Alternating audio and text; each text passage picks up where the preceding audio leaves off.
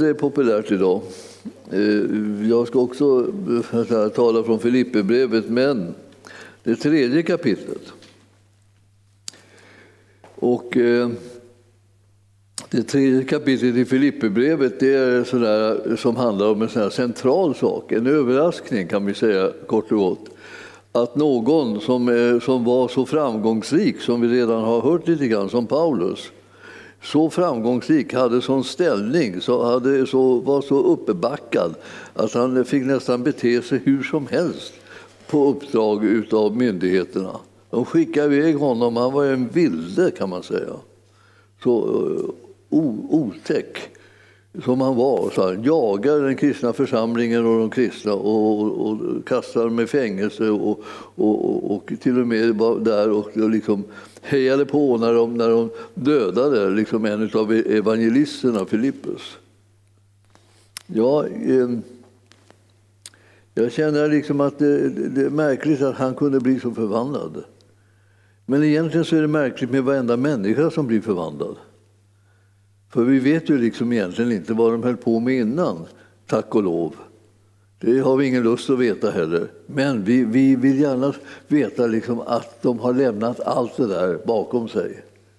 Att de inte liksom håller på att skaffa sig ära genom, genom massa otillåtna medel eller inflytande eller, eller makt och ställning eller beundran så här, det är genom otillåtna medel. Utan att de har vänt sig till Jesus och fått sina liv förvandlade.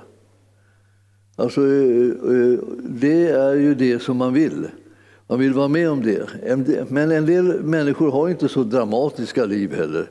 Så de är så, de är, deras liv är bara så att säga, till synes lite dåliga, lite förvirrade, lite liksom på fel spår. Och det är inte liksom någon katastrof direkt. Man man har varit lite skötsam sådär, i största allmänhet, mest därför att man var rädd för att eh, folk inte skulle acceptera en om man inte skötte sig så. Men så finns det de där andra som liksom inte väntar på liksom det, no, no, att få något beröm utav utan, utan de skaffar sig liksom inställningen eh, av beundran därför att folk är rädda för dem, därför att de har betett sig illa och fortsätter att bete sig illa och de skrämmer omgivningen och då får de beundran genom det, en slags motvillig beundran. kan man säga. Men så kan man komma i, i kontakt med Jesus. Och när vi gör det, då, då, då blir våra liv så, att säga, så överraskande förändrade. Vi, vi vet att vi måste liksom släppa det här, allt som har varit. Vi vet att allt det som vi får genom Jesus Kristus är en enorm vinst. En fantastisk vinning alltså. Och när vi ska läsa nu i det här tredje kapitlet så börjar Paulus tala om det här. Och som vi har hört, han sitter i fängelse. Så man kan ju säga, har han lyckats i livet? Alltså I det yttre, om man tittar på det så syns inte det. Det är väl att han berättar det, berättar det för oss, annars skulle man kunna tro att han hade misslyckats. Men det har han inte. Han, han liksom kallar allt det här som han har lyckats med förr för en förlust. Och nu säger han, liksom, och det jag har nu det är en jättevinning. Jag tillhör Jesus Kristus och jag följer honom. Jag ska säga, det är härligt och på något sätt märkbart, underbart att sånt där sker än idag, liksom i vår tid. Eh, så jag menar, han höll på att prata om det här för ett par tusen år sedan. Och vi sitter liksom och liksom råkar ut för samma saker som han. Fast kanske inte riktigt i de där kontrasterna som han har haft. Men ibland är det så också. Att folk som sitter i fängelse får nytt liv. Ja, jag, jag, jag, tänker ibland på det när jag, eh, jag, var och besökte en man som hade mördat eh, en, kvinna som han var förlovad med. Jag besökte honom i fängelset. Alltså, jag har aldrig någonsin hört evangelium låta på det sättet som när jag skulle tala om för den mannen att han var älskad av Gud och att Herren ville förlåta honom all synd och föda honom på nytt och ge honom ett helt nytt liv. Alldeles gratis. Utan att han gjorde någonting annat än att, sa att han ville ta emot det. och att han ville tillhöra Herren och inbjuda honom i sitt hjärta. Jag tänkte, nu överdriver jag nu. Det här är för bra. Det går inte att säga så här till honom. Alltså, det här är ju liksom en man som har huggit ner en kvinna med en kniv. Liksom så alltså, kan jag komma och säga att han, han kan få allting förlåtet? Att han kan bli född på nytt, att han kan bli ett Guds barn bara genom att säga ja tack till det. Evangelium är som för bra. När man ser det liksom i det där ljuset så tänker man, milde tid, kan vi säga så här? Är det, är det tillåtet att säga så? Att, bara, att säga att Herren är så god. Medan liksom den kötsliga människans naturliga respons vore att liksom ta, ta honom om halsen, bara skaka och säga liksom, Förstår du hur förskräckligt du har gjort och hemskt du har behandlat en annan människa? Så här. Ja. Så Herren har inte sänt oss ut på någon slags domarstråt då vi ska liksom döma och fördöma alla som har gjort synd eller gjort andra illa. Eh, han har sänt oss med evangelium Evangelium det är en kraft till frälsning för var och en som tror. Alltså, det är inte någon liten svag sak som liksom, liksom, liksom lite grann klappar någon på huvudet. Det kanske ordnar sig till slut om du, du skärper det får vi ta er samman lite grann och byta väg och sådär. Nej, nej, nej, det är en förvandlande kraft alltså. Och när, vi, när vi människor liksom med våra, våra små, små saker som vi håller på med och, och dåligheter hit och själviskhet här och där och förvirring på alla möjliga plan. När vi kommer i närheten av Jesus liksom, då sugs man in som en, liksom, det blir som, en, det blir som en, en, en kraft som bara drar in en i gemenskap för att i honom så finns frälsningen en fullständig frälsning, en förlåtelse, en nåd, en frihet ifrån synd som inte har någon begränsning. Den enda människa kan bli fullständigt förvandlad. Ni vet. Jag har mött honom, Jesus. Och har ni inte gjort det så är det bara att inbjuda honom och säga Jesus kom, kom, kom, kom, kom in i mitt hjärta och förvandla mig. Föd mig på nytt. Liksom. Låt mig få leva ett, ett, liv som är värt att leva. Låt mig få del av din verkliga kraft. Och man kan säga, vad är det för kraft? Uppståndelsekraften. Vi reser oss upp i uppståndelsekraften och så gör vi Herrens vilja och så proklamerar vi hans herravälde och hans makt. Alltså. Gode Gud, alltså, man, blir glad, man blir glad. Tänk, Ja, jag ska, ja, och, det, och det här brevet handlar ju om att bli glad. Och bli glad i alla fall. Alltså. I alla fall. Man sitter i fängelse och är glad i alla fall. Det är du. Pröva det lite, lite på en lite ja, mildare variant. Du vill inte hamna i fängelse, men du kan sitta där och ha problem och vara glad i alla fall. Du kan sitta där och vara ensam och vara glad i alla fall.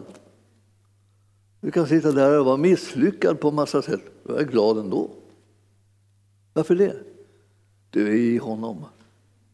Du, du lever i uppståndelsekraften från honom. Ditt liv är rikt och betydelsefullt och värdefullt på allt möjligt sätt därför att du har honom. Och jag vill säga det här, nu ska vi läsa tredje kapitlet. Ruskigt bra kapitel här. Jag vill, jag vill rekommendera det redan från början nu innan jag läser. Ruskigt bra kapitel alltså, fantastiskt bra. Jag, jag läser bara bra kapitel i Bibeln. Jag, jag, jag, har märkt, jag har märkt det så fort jag liksom läser och tänker det här är ju oerhört bra, så vilket kapitel! Ja, tänk dig liksom, nu ska, och så ska vi få höra sanningen liksom hur det kan vara. Hur en människa kan bli fastän omständigheterna ser ut som skrutt. Och jag, säga, jag rekommenderar att bli en sån människa. Det är en fantastisk sak att bli sån. För övrigt, mina bröder, står det. Gläder i Herren. För mig är det inte besvärligt att skriva samma sak till er och för er är det säkrast så. Se upp för hundarna, se upp för de onda arbetarna, se upp för de sönderskurna. Det är vi som är de omskurna, vi som tjänar genom Guds ande och berömmer oss av Kristus Jesus och inte förlitar oss på yttre ting. Vad litar vi på då? Jesus Kristus litar vi på. Vi litar på vad han har gjort, vad han har vunnit, vad han har gett till oss vad, som vi har, vad för, vi har för möjligheter just nu att leva ett helt annat liv, det som han har gett oss. Det är det vi litar på. Det, är, det, för, ni förstår, det, det förändrar allting. Vi kommer att bli ett modigt folk, ett folk som reser sig upp och inte skäms för evangelium. Det, det, har vi redan hört i Romarbrevet, att, att skäms inte för evangelium. Alltså, Paulus har sagt så många bra saker, man ska bara rycka till sig allt och säga detsamma. När ska jag göra det? Med en gång. Det vill säga, det vill säga om, du, om du tänker så här, ja, det ska jag göra när jag känner för det. Ja, visst. Så. Om du ska göra det när du känner för det, då blir det aldrig av. Strunt i vad du känner. Säg det bara. Liksom det här, det här är här, evangelium är en Guds kraft till frälsning för var och en som tror. Jag skäms inte för evangelium. Och då man kan säga, när ska jag säga det? Jämt!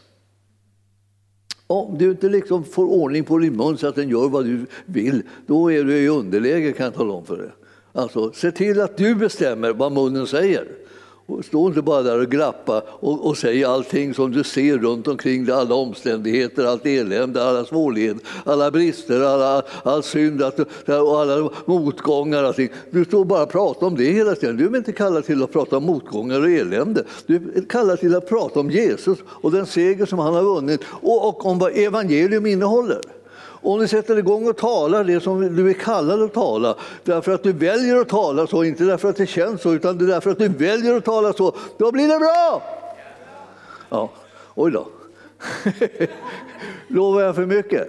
Nej, det gör jag inte. Det fantastiska är ju att vi har en frälsare som har övervunnit döden. Som har försonat synden. Som har räddat dig så att du har fått ett annat liv än det livet liksom med alla dessa problem som du hade tidigare. Ja, det känns som att det inte är löst. Ja, men bryr inte om det. Tala rent och tala klart. Sitt inte och tala om vad du känner. Säg vad Herren har gjort. Han har gjort det. Han har lovat det. Han håller vad han lovar. Och nu ska du läsa vidare här.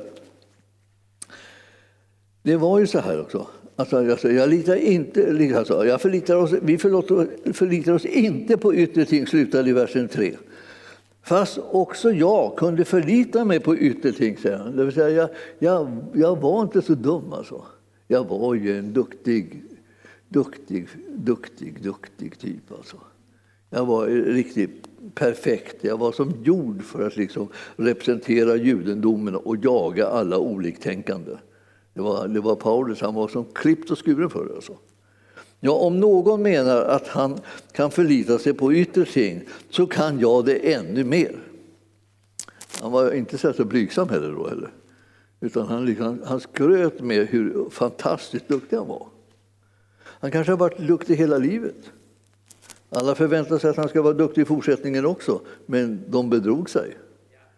För nu slängde han allt, allt åt sidan för att bara vara så, så som Herren ville att han skulle vara. Pröva på det. Det är, det, det, det är hisnande, men härligt. Mycket bra alltså.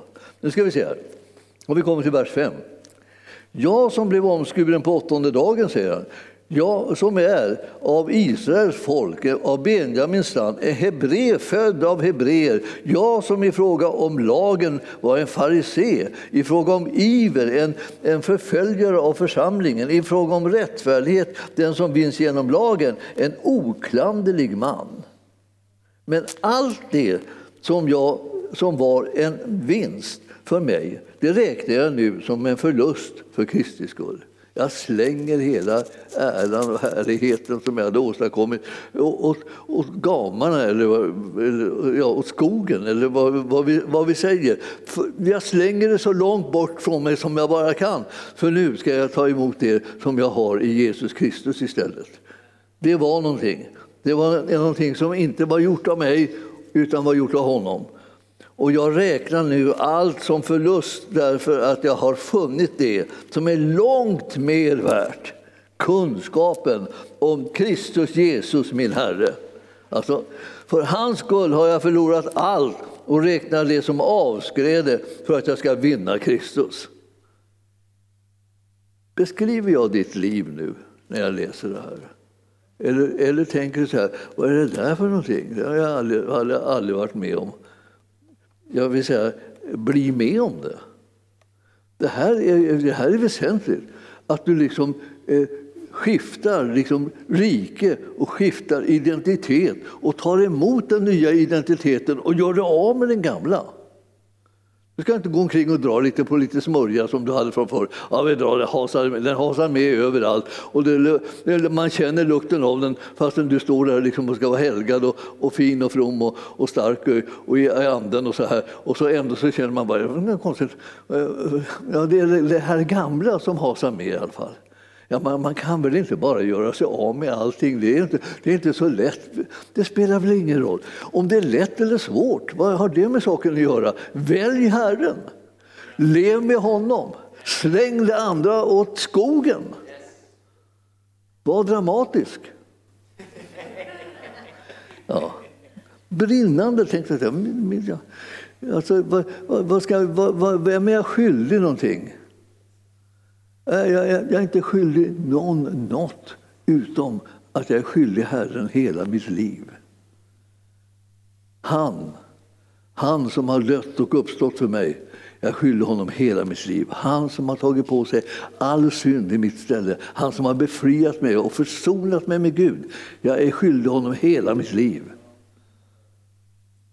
Vågar det på att välja det. Jag väljer Herren, det andra är avskräde. Det spelar ingen roll att det finns folk som tycker åh, är du, är du utbildad på det? Åh, har du den här? Kan du det där? Åh, vad fantastiskt. Det, det, är bara, det är bara skräp. Herren är det som är min stolthet och min glädje och, och, och, härlighet. Det är han som jag vill följa, det är honom som jag vill ära, inte något annat. Det här, det här andra bara låtsas. Liksom. Och man tänker, ja, men ska det inte, är det inte värdefullt med lite utbildning? Ja, det, det, är möjligt att det är det i, i världen, men om jag menar, nu är det ju det först och främst den som ska ställa ditt liv till förfogande för Jesus, eller hur? Det, det är han som gör anspråk på dig. Han väntar att du vågar. Vi ser till. Ja, jag tror att du kan mer än vad som har hänt hittills. Jag tänker, kan jag verkligen bli brinnande? Kan jag, kan jag stå upp för Herren? Kan jag kan jag liksom brinna så det knakar överallt, liksom, så att, till med, att det är störande för människor att jag, att jag brinner så mycket för Jesus. Kan, kan, kan, klarar jag av att låta bli och, och, och, och, och, liksom, och, och tala om honom överallt? Eh, jag, jag, jag brukar ju tala om min faste, för jag hade en sån fenomenalt bra faster. Jag önskar alla en sån faster. Hon, hon, hon, hon påminde mig om bibelordet att eh, tala i tid och otid. Och när jag var med henne, och jag var jättemycket med henne, va, så talade hon, tyckte jag, alltid i otid. Det fanns inte ett enda ställe där inte hon skulle ställa sig upp och, liksom, och, och säga hallå, hallå, hallå, hallå, jag ska bara vilja säga lite grann om Jesus, säger hon. Då. Ja, då vet jag, kan hon inte vara tyst? Jag, jag stod liksom där vid sidan om och tänkte så här, kan hon inte vara tyst någon gång? Kan hon inte låta bli? Det var ju ganska trevligt här. Va? Nu la sig liksom på något sätt bara liksom ett lock på alltihopa. Bonk. Alla blev tysta och kände sig besvärade och visste inte vad de skulle säga och vart de skulle vända sig. Ja, visst, hon, hon, hon, ville tala om Jesus och jag tänkte, hon förstör allting. Alltså, tänkte jag. Men när jag var i tonåren, jag, jag, jag, jag, hade inte så jättemycket klarhet om saker och ting ännu då, men jag var på väg. Alltså, men, men det var fortfarande rätt disigt om man säger så. Då.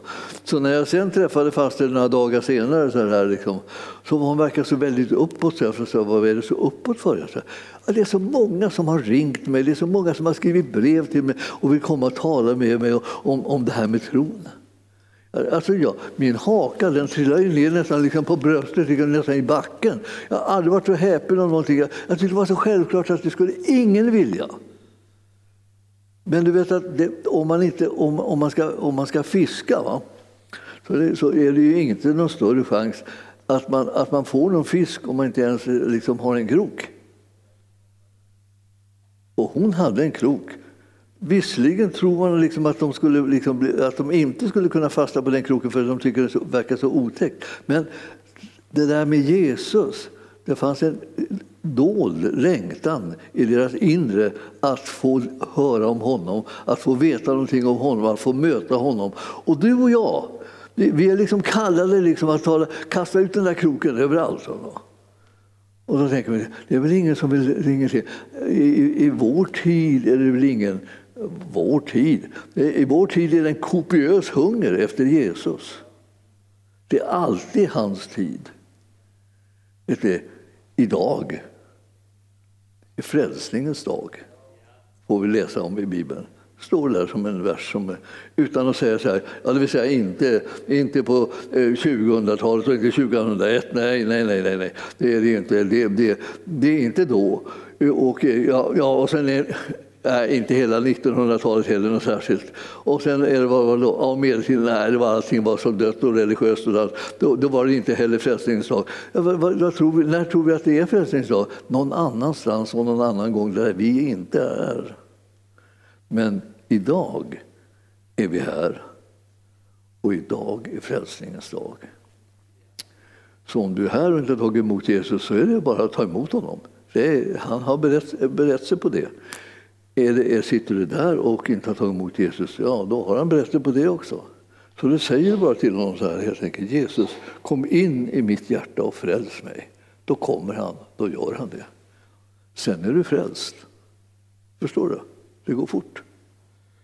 Han tar, han tar vara på stunden då du öppnar ditt hjärta och säger kom. Och du gör det därför att du tror att han har inbjudit dig.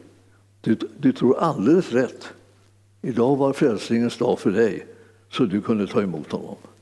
Och Det här är det som vi behöver veta när vi går omkring bland människor. Att det, det är frälsningens dag för de här människorna. Där går du och vet om vad frälsning är.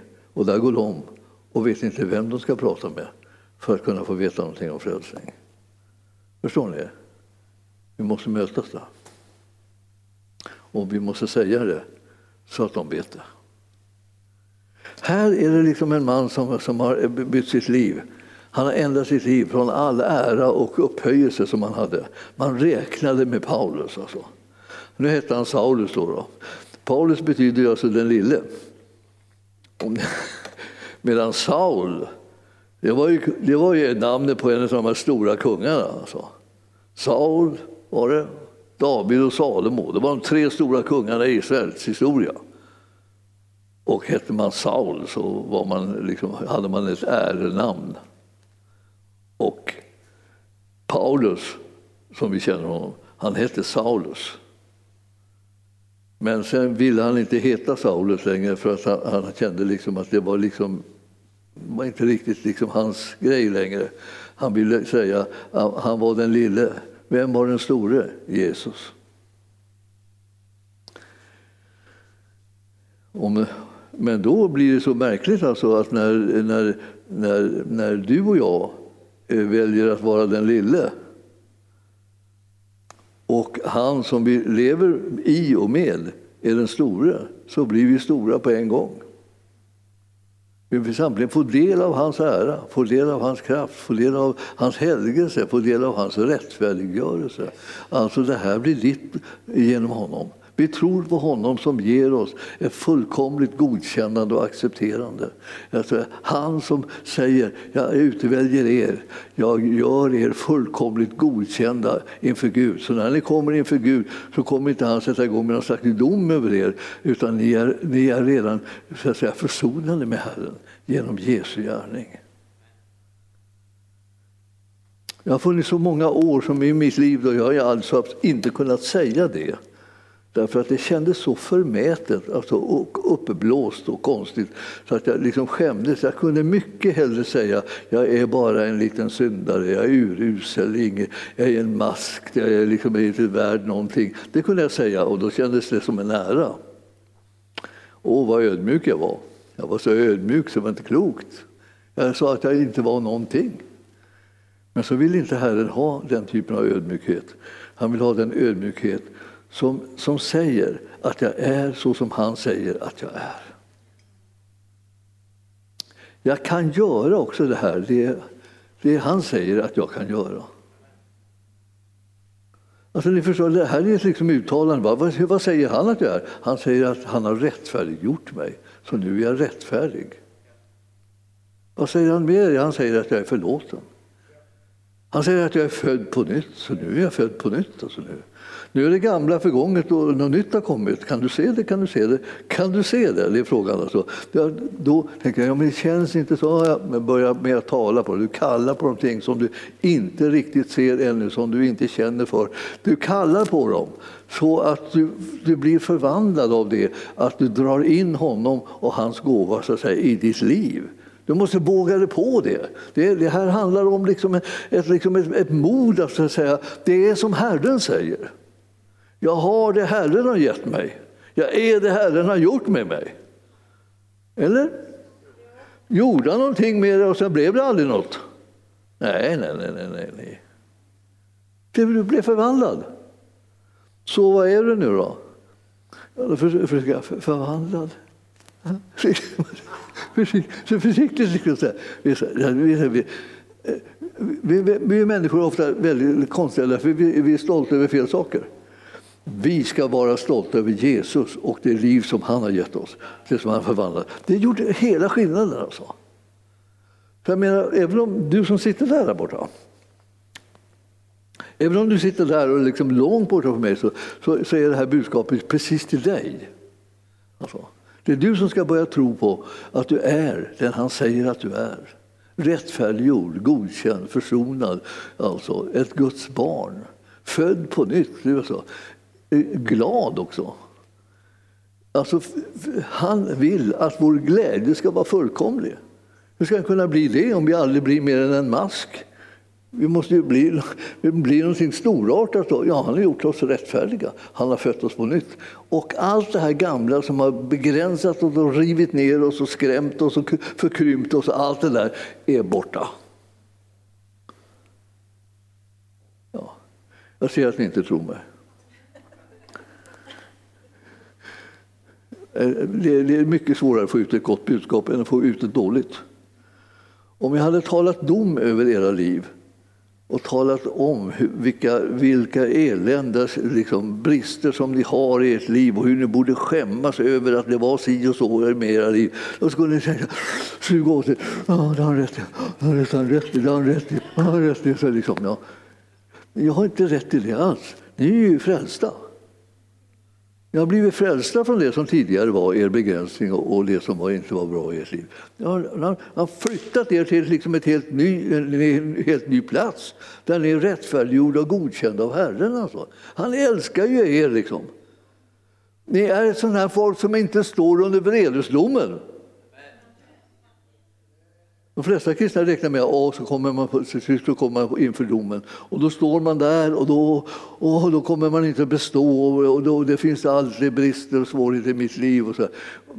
Alltså, vet du inte att du inte längre står under vredesdomen? Jesus har försonat dig med Gud. Därför så dog han på ett kors, liksom, tog på sig all straff för all synd och skam. Så den har du inte kvar, utan den har du blivit befriad ifrån. Du, är liksom, du har kommit in i ett nytt läge. Liksom. Du, kommer ju bli, du kan bli glad av bara farten. Liksom. Efter när, du inte, liksom, när du sänker garden så liksom tycker vad, mm, vad härligt, vad, vad härligt alltså. Frälst, godkänd, accepterad. Alltså.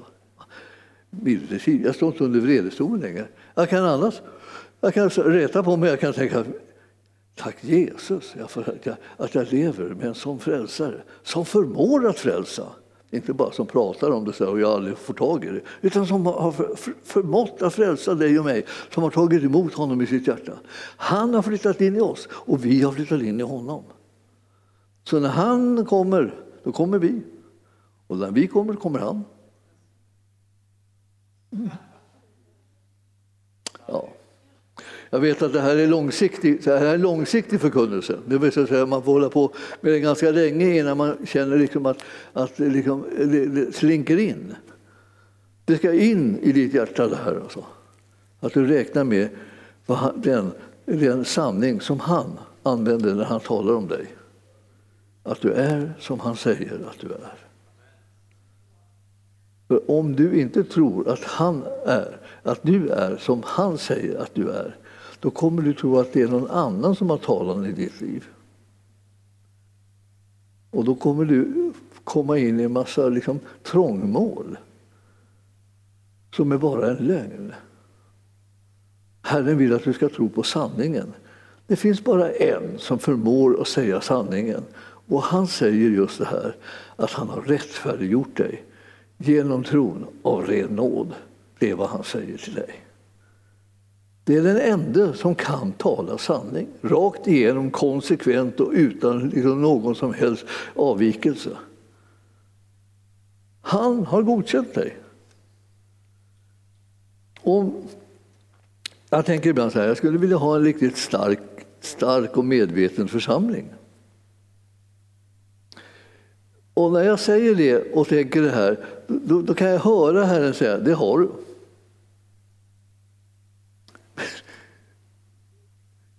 Och då, då, får jag precis samma problem som du får liksom, när, du ska, när du ska säga liksom, att, du, att du är godkänd och, och färdig och helgad och, och from och alltihopa. Alltså, jag, jag, det känns inte riktigt så här. Va? Det, det, det känns inte. Nej.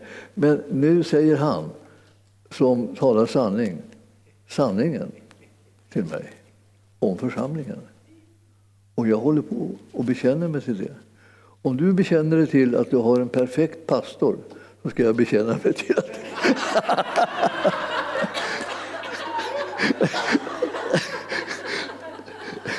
så kan vi byta, byta grejer. Det är ibland lätt, alltså, visst, lättare va, att liksom bekänna sig till någonting om de andra än om sig själv. Så, men, men, vi får väl försöka på båda, på båda delarna. Men ni förstår, man behöver ha tro för varandra. Alltså, det är inte bara det liksom att ja, det blir nog aldrig någonting av den. Den har alltid haft det här och den har alltid trasslat med det där. Och så. Det blir väl aldrig någonting. Alltså, jag skulle vilja säga att eh, allt förmår den som tror. Och om det är så att man kan väcka tro i en människa, liksom, då kan det bli så att det kan bli någonting bra av det hela. Det kan bli någonting starkt och det kan bli någonting som Jesus-likt som kommer fram. Och Herrens gärningar börjar bli gjorda genom en människa, vem som helst. För alltså, att göra Herrens gärningar, för det krävs hans kraft. Och när vi tar emot honom så får vi inte bara eh, behålla vår svaghet utan vi får hans kraft. Så vi börjar kunna göra hans gärningar. Så därför så blir liksom, man måste man tänka om vad det är. Vad är det en människa förmår att göra egentligen? Vad är det hon kan liksom eh, säga ja till och bejaka och sätta sig igång och, och, och liksom kasta sig in i? Det som Gud har initierat och som han då ger kraft till. Hur ska du veta vad han har initierat? Du får väl hålla dig inom hörhåll. Hörhåll, det är liksom genom liksom kontakt med bibelordet. Ni ser vad han håller på och säger. här. Alltså, han har inte anseende till personen, det känner vi till. Va? Alltså, det var inte någon specialbehandling för, för Paulus, det här. Att sitta i fängelse och vara glad. Det, liksom, det, det, det, var någonting som alla kunde få del av därför att de hade del av livet i Jesus. Det har ju du också, och det har jag. Och vi behöver räkna med det. Det har inte med hur länge som vi har varit i livsgemenskap med honom, utan från första stund alltså, så har vi liksom livsgemenskapen med honom och tillgång till kraften som han har i sitt liv. Jesu kraft alltså, är det. Jag ska läsa en liten snutt till här också. Det är så fruktansvärt bra. Alltså, vi har precis sagt att, att allt det som var en vinst alltså i det gamla livet, alltså, för, mig, eh, för, eh, för mig det räknar jag nu som en förlust för Kristi skull. Alltså, eftersom jag har märkt vilket liv som jag får av honom. Jag räknar alltså allt som förlust därför att jag har funnit det som är långt mer värt, nämligen kunskapen om Kristus Jesus, min Herre. Om du lär känna Herren Jesus och skaffar dig kunskap om honom så kommer du kunna få en trygghet, en visshet, en säkerhet, en kraft som är närvarande i ditt liv så att du kan börja kunna säga ja tack till varje uppdrag som du får av honom. Eh, oavsett hur stort och mäktigt det verkar, därför att hans väldiga kraft verkar i dig. Det här är sånt där som man känner liksom att nu försvinner ju alla ursäkterna. Nu har man ju liksom inga riktigt kvar längre. Man skulle säga nej, ta någon annan. Alltså, jag är inte så bra på det där, jag kan inte det där, jag orkar inte det där. Jag, jag har så mycket att stå i. Jag har mycket annat som jag måste göra också. Så Det är jättemärkligt och, och eh, oönskat eh, gensvar när Herren kommer och kallar på en. Här står det, bli funnen i honom. Nu är jag i nionde versen, alltså 3 och 9 och bli funnen i honom, inte med min egen rättfärdighet, den som kommer av lagen, utan med den som kommer genom tro på Kristus, rättfärdigheten från Gud genom tron. Den har du och jag tillgång till. Det är det godkännandet som inte, liksom, där ingenting fattas. Du har blivit sån att ingenting fattas dig. Du är fullständigt godkänd, fullkomligt accepterad av Gud.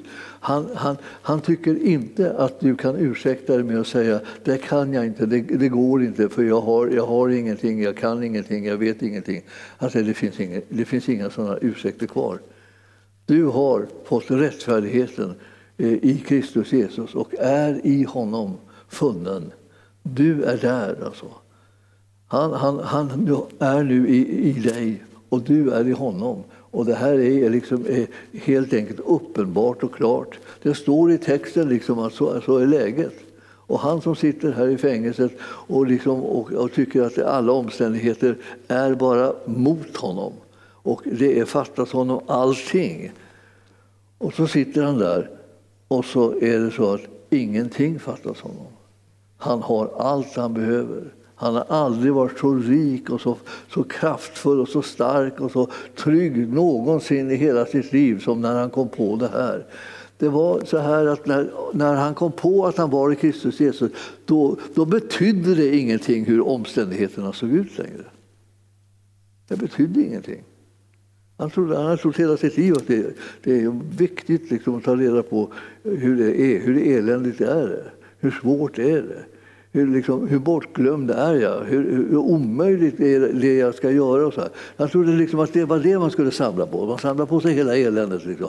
Så man gick med stora liksom, påsar och kassar och, och ryggsäckar och, och släpade på allt elände som man kunde hitta, dåliga omständigheter. Och sen använde man dem som ursäkt för att man tyvärr inte kunde göra Herrens vilja. Tyvärr inte följa honom, tyvärr inte, inte förhärliga hans namn, tyvärr inte vittna för honom. Jag hade jättemycket att släppa på. Men, men han, han, säger här, alltså det, det där är, det, det, här, omständigheterna ska inte du fråga om vad du, vad du kan göra. Du ska fråga din Herre vad han säger till dig att göra. Och det du hör att han säger att du ska göra och det du hör att han säger om dig, hur du är, det är det du ska samla på. Så kan du göra allt det han säger till dig. Och du vet att eh, om jag om jag nu, om jag nu talar till en församling här, synlig och osynlig, så är det så att, att om jag får dem att tro på det som Herren Jesus säger, han som talar sanning, så skulle hela församlingen kunna resa sig upp, ta itu med alla, alla svårigheterna och problemen och lyckas genomföra det som är Herrens vilja och kallelse på deras liv och vårt liv tillsammans. Vi skulle kunna bli övervinnare istället för att liksom sitta och trycka någonstans och tänka så här, nu ska vi akta oss så vi inte liksom får på, på oss någon sjukdom. Det verkar som lite futtigt i sammanhanget. Men jag menar, vi behöver inte vara dumdristiga för det, vi behöver inte vara hänsynslösa, men vi behöver vara troende så att vi tar tillfället i akt och sprider evangelium och med den Guds kraft och med de öppningar som Herren ger oss. Vi behöver inte sluta liksom vara kristna för att, liksom, för att det, det, det pågår någonting som djävulen sysslar med. Det, det behöver vi inte. Vi fortsätter att vara kristna och vi fortsätter att vara övervinnare i alla fall, trots omständigheterna. Tänk på det alltså. jag sa. Din utmaning från Herren är inte liksom att du ska böja dig under omständigheterna. Din utmaning är att du ska göra hans vilja oavsett omständigheterna. Och alla sa liksom ett lite tyst halleluja, amen till detta. Ja. Väldigt tyst, som vi säger så. Då. Och därför, därför att eh, vi, vi tänker, oh, oh, hjälp nu, nu blir det farligt, nu blir det farligt. Det farligaste som finns i den här världen det är att inte göra Herrens vilja. Det går att hitta vägar att göra Herrens vilja överallt och jämt. Man kan alltid leta sig fram till olika sätt att göra Herrens vilja på. Hitta vägarna, hitta stigarna, hitta liksom alla små eh, skrymslen och vrår där du skulle kunna göra någonting som har stor betydelse och som förvandlar människors liv. Det är inte, det är inte, det är inte slutsökt efter de som är, har kommit vilse heller. Vi letar ju efter dem, Herren älskar dem. Det här gör jag känner liksom, vilken, vilken, vad, vad, vad, vad kul! Jag tänkte, tänkte på det, var eh, jag såg, såg några som, var, som satt liksom i en frågesport och så, och så fick de höra ämnena för frågesporten. Det var, det var jättekonstiga ämnen, alltså knepiga konstiga ämnen. Så här. Och då, då svarade, när, de, när de såg ämnena så sa de ”Åh, vad kul!” Jag tänkte milde tänk om det var en kristen som sa det när de fick höra vad Herren ville att de skulle göra eller hur de skulle Åh, vad kul!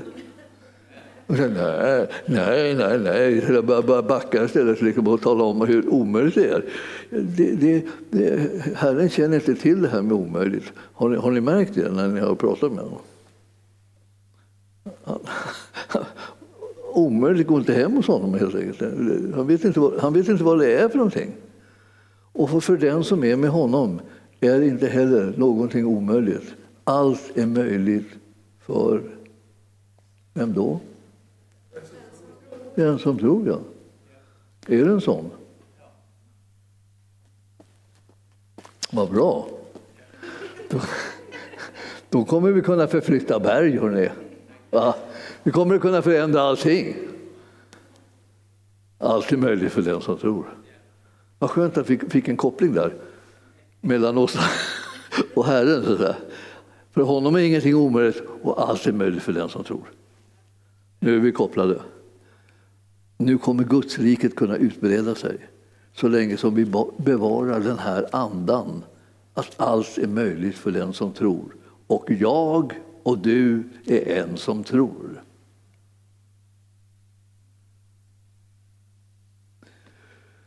Ja, då avslutar jag det här för att då har vi kommit fram till den punkten då jag bara ska släppa er lösa. Så att ni, ni kan förverkliga allt som ni kan när ni är en som tror. Och jag med. Vi tänker inte ge oss, vi tänker inte böja oss. Ingenting är omöjligt. Vi har en Herre som har vunnit fullkomlig seger. Så koppla ihop med honom så det dånar och var med och gör Herrens vilja. Så ska vi förhärliga hans namn här på jorden oavsett omständigheterna. Himmelske Fader, vi ber att du ska låta din kraft och din ande verka bland oss, fylla oss med, med lösningar, utvägar, möjligheter. Istället fyll våra tankar med det, allt det där som är möjligt för dig, för det är också möjligt för oss. Vi tackar dig Herre för att all makt har vi, som du har det i himlen och på jorden. Och vi kan därför förverkliga det som är din vilja och förhärliga ditt namn. Vi överlåter oss Herre till dig och vi proklamerar ditt herravälde och din makt makt. I Jesu namn och församlingen sa Halleluja, prisad vare Gud. Jag hann inte riktigt färdigt, ni får läsa färdigt det där kapitlet själva. Det är fruktansvärt bra, ska jag säga. det sa jag redan inledningsvis, men det är så bra så man nästan orkar inte titta på det. Men, men, men titta bara, eh, det kommer att ge er liksom eld i barmen så att ni kan driva Herrens sak vidare. Eh, Petra?